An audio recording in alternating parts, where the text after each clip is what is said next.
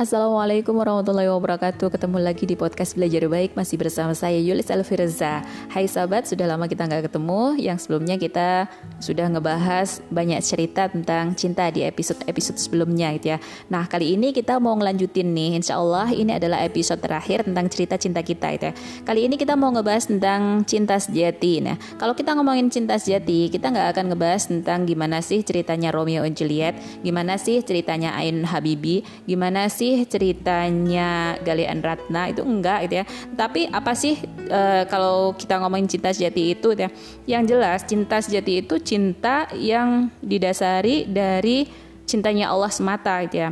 So, cinta karena Allah itu adalah cinta yang nggak pandang tampang, cinta nggak pandang kekayaan, dan juga cinta yang nggak pandang batasan-batasan fisik lainnya. Seperti yang udah kita bahas sebelumnya di episode cinta palsu itu ya. So, mereka yang jatuh cinta karena Allah ini berarti dia mesti sadar gitu ya bahwasanya manusia yang paling keren di sisi Allah itu hanya manusia yang paling bertakwa, bukan yang lainnya, bukan tampangnya, bukan karena tajirnya, eh, DLL lah pokoknya yang sudah kita bahas di episode cinta palsu kemarin gitu ya. Nah, kalau boleh saya cerita gitu ya satu kisah pasangan manusia itu ya, yang cintanya itu subhanallah masya Allah dia cintanya itu memang benar karena Allah semata ya bukan karena yang lainnya bukan karena tajirnya bukan karena tampangnya atau bukan karena yang lainnya itu ya. Uh, dia adalah seorang wanita itu ya yang merupakan putri bangsawan gitu ya yang sementara prianya adalah mantan budak yang miskin gitu ya. Ada yang tahu sahabat siapa mereka Yes, mereka adalah Asma binti Abu Bakar dan Azubair bin Awam. Semoga Allah meridhai keduanya. Amin amin ya robbal alamin. Nah, lazimnya anak orang kaya nih, Asma itu dimanjakan oleh orang tuanya ya kan. Nah, sekarang kalau orang tuanya tajir itu pasti semua fasilitas itu ada gitu ya dan selalu dimanjakan biasanya sama orang tuanya. Tetapi subhanallah Azubair ini adalah kebalikannya kondisinya itu ya karena dia apa?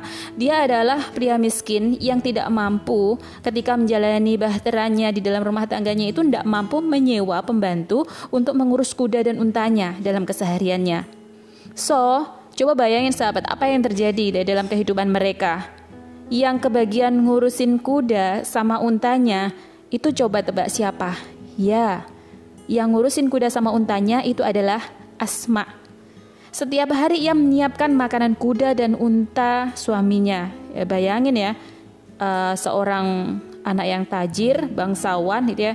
Tetapi ketika mengarungi bahtera rumah tangganya bersama Zubair gitu ya, subhanallah gitu ya, dengan penuh kesederhanaannya dan menjalani kehidupan itu apa adanya, mau membantu pasangan hidupnya. Ia juga menumbuk biji kurma itu sendiri loh. Nggak ada pembantu, nggak ada orang lain gitu ya menimba air buat keperluan rumah tangga itu juga dilakuin sendiri gitu ya dia pun bah, uh, ketika mencari air gitu ya itu harus berjalan kaki bermil-mil jauhnya masya Allah gitu ya.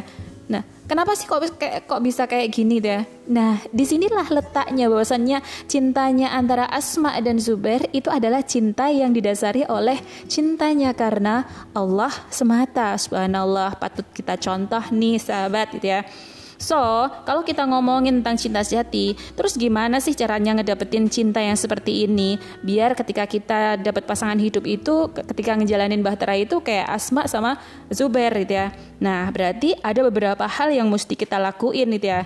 Yang pertama, catat nih sahabat ya, pasang niat yang kenceng kalau kita itu nggak bakalan main-main ketika sudah merit tapi serius ya serius dalam rumah tangga Kenapa? Karena ini merupakan ladang ibadah pada Allah. Itu jelas.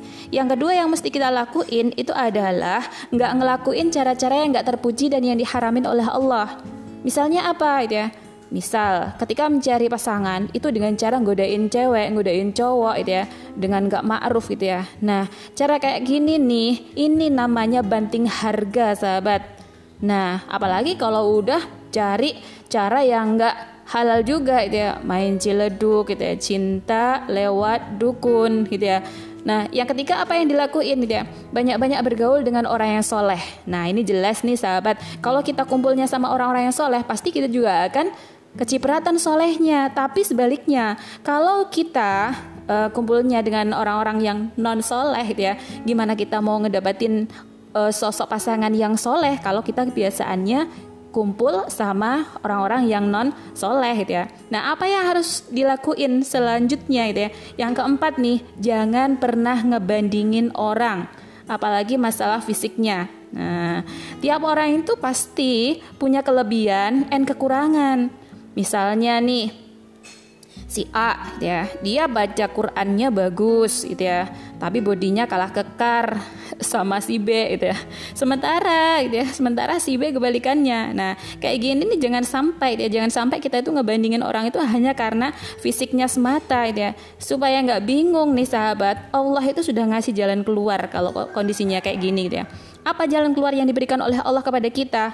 Selalu lakuin sholat istikharah So, kita mesti rajin-rajin gitu ya, minta kepada Allah, meminta agar diberi petunjuk oleh Allah di antara pilihan-pilihan yang memang ada di depan kita gitu ya.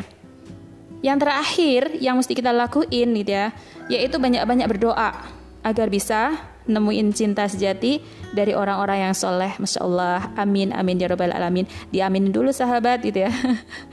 Juga berdoa kalau kita itu belum misalkan belum siap merit gitu ya. Yang bagi yang belum siap merit ya agar dijauhkan dari hal-hal yang bisa menjerumuskan kita pada perbuatan zina. Naudzubillah gitu ya.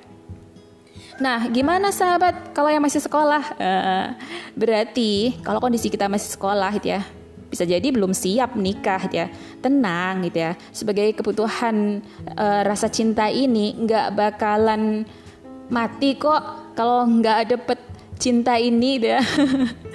Betul gitu ya. Bahwasannya apa? Rasa cinta itu nggak bisa diilangin tapi dia bisa dialihkan. Nah, apa berarti yang mesti kita, kita lakuin ketika kita masih sekolah gitu ya? Mungkin kita belum siap merit gitu ya.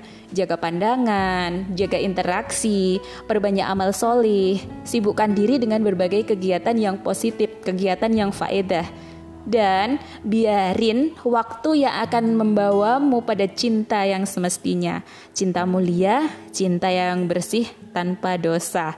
Nah, sahabat, semoga beberapa trik yang sudah saya jelasin di depan tadi bisa menghantarkan kita untuk menemukan cinta sejati yaitu cinta yang dilandasi karena cintanya kita kepada Allah Subhanahu wa taala. Keep stay tune di episode-episode berikutnya tetap di podcast Belajar Baik masih bersama saya Yulis Alfirza. Assalamualaikum warahmatullahi wabarakatuh.